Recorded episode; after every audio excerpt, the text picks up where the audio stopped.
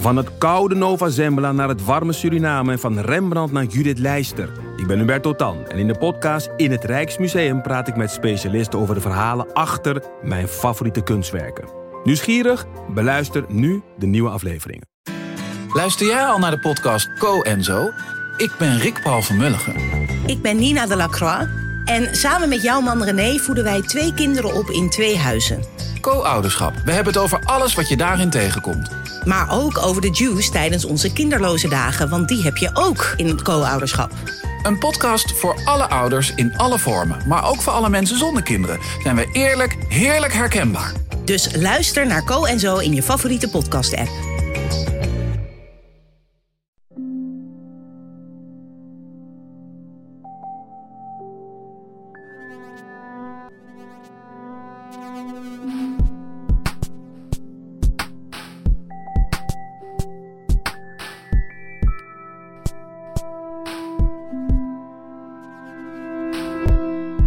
Welkom bij de negende aflevering van de Relaas podcast. In de Relaas vertellen mensen een verhaal dat ze zelf hebben meegemaakt. Deze keer is dat het verhaal van Pieter Jan de Smet, die zelf zegt dat hij vertellen het liefst van allemaal doet. Nog liever dan muziek maken zelfs, als dat niet straf is. Het verhaal is opgenomen in juni 2015 in Husset in Gent. Pieter Jan vertelt het met veel gestes, maar zijn stem is luid en duidelijk en het was vooral heel plezierig om naar te luisteren.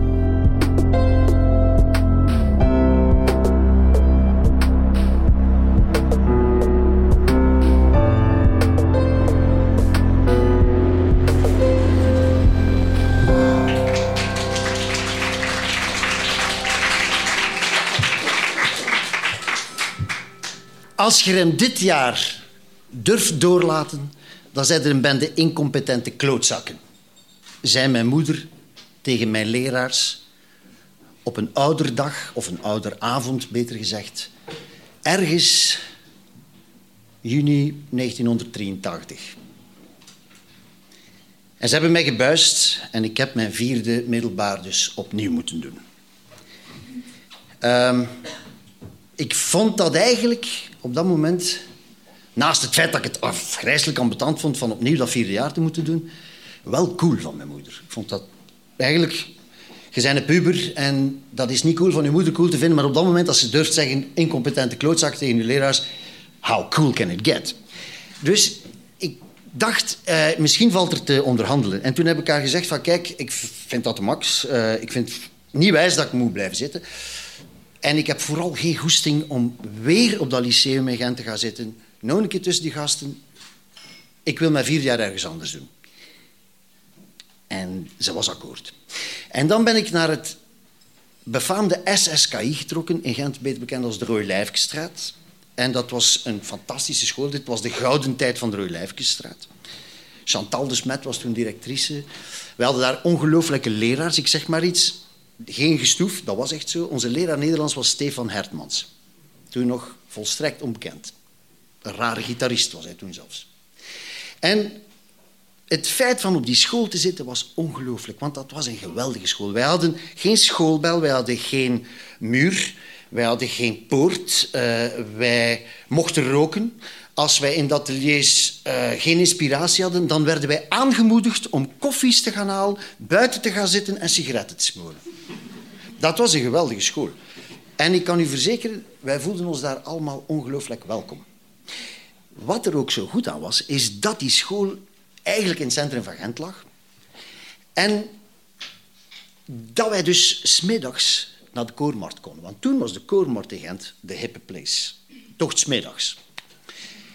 Want daar hadden namelijk, en dat is daar nog altijd, het Tambert. Wij gingen altijd naar Tambert natuurlijk. En op de mooie dagen, uh, als het weer wat beter was, zaten wij op de koormarkt. En in die tijd op de koormarkt hadden dus van die lelijke bloembakken met bankjes in verwerkt. Zo hoog ongeveer, laten we zeggen een meter hoog. Lelijk, totaal in de weg staand van alles. Ze zijn gelukkig weg. Maar daar konden wij op hangen. Daar hingen wij op. En als het dus schoon weer was, wat deden wij? Wij gingen in de donkersteeg, toen was er dan een nopri, gingen wij altijd een fles muskaatwijn gaan kopen. Dat was goedkoop, dat was zoet en dat ging vrij goed binnen. Dus over de middag aten we ons boterhammetjes op, op die bunkers. Dat noemden wij de bunkers, heb ik al gezegd, wist ik niet meer. En daar dronken wij dus muskaatwijn. Waardoor wij meestal de namiddag iets vrolijker inzetten op het SSKI. Zo ging dat dus drie jaar door, uh, in stijgende lijn. Dat werd alleen maar leuker. En we fast forwarden uit 1983 naar 1986, het jaar waarin nog moest gebeuren. Sandra King ging nog het Eurosong Festival winnen. De Rode Duivels gingen iets vrij speciaal doen in Mexico. Ik ging nog vrij speciaal de avond dat ze hun laatste match gewonnen hebben. De volgende dag herinner ik mij, had ik jury. En ik heb niet geslapen en ik heb mij zo met een immens stuk in mijn voeten verdedigd over mijn eindwerk dat ze mij grote onderscheiding gegeven Waarvoor dank voor uw applaus. Maar, nee waar. Um, we zijn dus 1986, we zijn eind maart. Het is al een van die eerste mooie dagen in het voorjaar. En ik zit op de korenmarkt en de maten zijn een flesje muskaatwijn gaan halen en we hebben er al een paar keer van gesipt. En voor mij zie ik in één keer een beeld van een kind. Een ongelooflijk mooi meisje die ik eigenlijk al een paar keer gezien had en die ik al een beetje in de mot had. Maar ze stond in één keer vlak voor mij. En ehm, ik had op school, ik had mezelf een naam aangemeten. Ik was the one and only. En ik had twee assistentes, Anja en Tanja. Echt waar. Die zaten bij mij in de klas. En dus die hielpen mij. Wat was nu het ongelooflijke? Anja kende je dat meisje? Ik was zo verlegen. Daar zijn heel veel gebroken harten geweest. Heel veel gehuil. Acht behind closed doors. Uh, omdat ik niks durfde zeggen en al die mooie meisjes, waar ik vreselijk van was voor mijn ogen, werden weggeschoept door idioten met puisten. En ik was altijd kwaad. Maar deze keer had ik dus muskaatwijn gedronken. Hetgeen mijn afweermechanisme iets soepelder maakte. En ik ga naar dat meisje en ik word voorgesteld en ik hoor in mijn roes Maurice Béjart. En ik zeg, zijde jij een danseres van Maurice Béjart? En zij zegt, nee, nee, nee, ik ga daar ingangsexamen doen en het zou kunnen dat ik daar ga gaan studeren. Ja, dan was ik volledig verkocht natuurlijk. Het was een beeld van een kind, dat een prachtig gezicht. Uh, ik zag ze daarvoor af en toe in atoombetoging, alleen anti-atoombetoging, de vredesbetoging. We gingen altijd met de scholieren naartoe, we werden af en toe gematraqueerd door de flieken. Maar ze liep altijd in die betoging en ze had altijd zo'n soort van zwart vestje aan met witte leren mouwtjes. Zo uh, high school American baseball, weet ik veel wat. Ik vond dat ongelooflijk sexy, ik vond dat prachtig. Uh, en daar stond ze. En door dat Maurice Béjart verhaal, et cetera, krijg ik nog een beetje meer moed. En ik zeg, ik, ben, uh, ik heb een groepje en uh, ik moet binnenkort spelen, ga er niet mee. Uh, en ik, weet nog dat moment dat ik dat vroeg van, wat vraagde jij nu, idioot? Kalf, wat zei nu?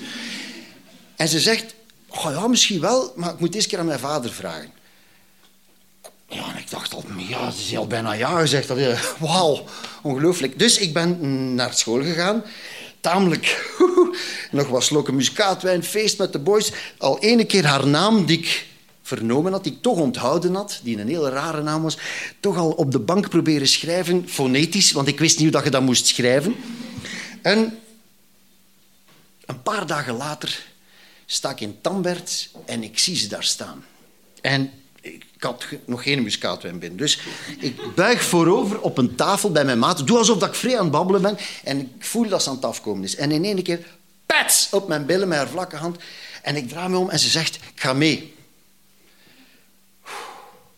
Ik ben ongeveer een paar centimeter de lucht ingegaan. En ik ben zo naar het SSKI gezweefd, zonder muskaatwijn. Ik heb alle banken volgeschreven. Ik heb erin gekrast. Nog altijd met een fonetische schrijfwijze van haar naam. En dus een paar weken later, op het afgesproken moment, we hadden elkaar nog twee, drie keer gekruist. En het was van, ja, ja, ik ga er zeker zijn. Is ze daar? Op het moment dat wij moeten vertrekken. Wij moeten met ons coverbandje spelen op een schoolfeest in Denderleeuw. Ja. En we rijden daar naartoe met een klein Volvootje dat van de drummer zijn moeder was. En dan nog een ander autootje waar al het grief in zat. En wij allemaal, de muzikanten, met ons lieven, en ik met, met mijn invité, die mijn lief niet was, naast mij helemaal opgeprept zo, en zo naar Denderleeuw. En we komen in Denderleeuw aan en ik had er al vrij braaf nevens gezeten. En wat blijkt dat er nog twee of drie groepen voor ons moesten spelen. We hadden dan nog een zee van tijd en al mijn maten hadden... Hey, mooi, hey, het is moment, en nu je tijd, je hebt ruimte, go. Het enige wat ik heel die tijd gedaan heb, is vooral niet naar haar kijken. Ongelooflijk weg. eh, altijd snaren op mijn gitaar steken, tegen mijn maten zitten zagen over goede gitaren, slechte gitaren. Eh, weglopen. eh, vooral niet met haar babbelen. Zij werd nogal omringd door de andere ba- bandleden, hun liefjes. En die, die dachten, allee jongen, doe een keer eens. Maar doe move. Maar eh, dat ging dus niet. En er was ook geen muskaatwijn. Zelfs werd het zo erg dat eh, op het einde van het laatste optreden, voor wij op moesten, stuit daar een motto toe. En er stapt een gast af volledig in zwart leer en ik hoor haar zeggen, ah, Pierre. En ze kent hem, in Denderleeuw. En dat bleek dan een uit haar klas te zijn en hij heette Pierre. En mijn naam is Pieter. En ik dacht, wat verdomme, ik heb hier aan mijn rijker. En al de gasten van mijn, klas, eh, van mijn, eh, van mijn groep zeggen, ja jong, het is, het is van dat, hè vriend. Eh, het, eh, het is, het je, gaat het, je mocht het vergeten. Tot wij ons materiaal op het podium zetten, ik het podium betreed, maar dan was er iets anders. Toen had ik mijn wapens vast. Ik had mijn gitaar en mijn micro. En toen kon het duel beginnen entre Pieter en Pierre. En ik speel één of twee liedjes en ik zie in één keer een nummer staan op de setlist, het volgende nummer dat we moesten spelen. Geloof mij vrij, het was Stuck on You van Lionel Richie. en ik zie dat staan en ik denk, dat is de moment. En ik zeg, het volgende liedje is opgedragen aan iemand die zo lief was om mee te komen naar mijn optreden. En ik ga u verzekeren, het is echt gebeurd. Het lijkt een stomme, idiote teenage movie, een rock'n'roll filmpje van vijf frank, maar het gebeurde. De zee ging open. Het publiek spleet uiteen en ze is op mij afgestormd.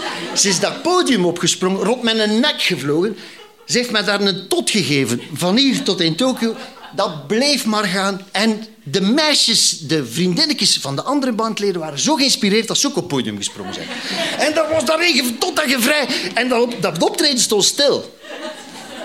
Maar dat kreeg wel applaus, want dat zag er natuurlijk wel fantastisch uit. Enfin, we zijn na het optreden, na toch nog een beetje geschmoezel, allemaal terug in dat Volvootje gestapt. Ik zat nu weer dicht bij haar, het was al een beetje dichter. En ze zijn uit, we zijn uitgestapt en het was al twee uur s'nachts. En ze zei, oeh, shit, ik heb een probleem met mijn vader.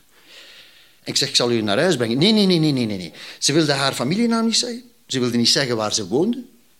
En ze zei dat ze geen telefoon had. En ze zei, ik zal het wel oplossen. En ik zeg, ja, maar ik ga je toch nog terugzien. Wauw, we gaan elkaar nog wel tegenkomen. En ik dacht, dat is niet waar. Zeg. Oei, het is al verkeerd en al... eh.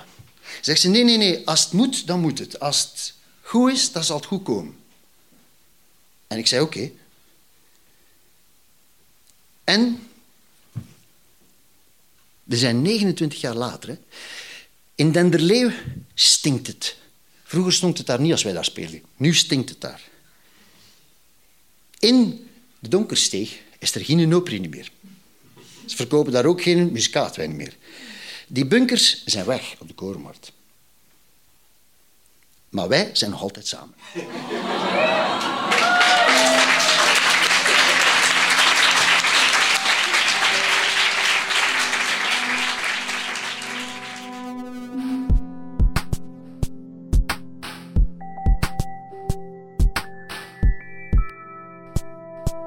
Dat was het verhaal van Pieter Jan de Smet. We mochten op onze maandelijkse vertelavond in Huzet in Gent niet te veel van zijn verhaal vooraf prijsgeven. Dat begrijp je natuurlijk, want de clue zit helemaal op het einde.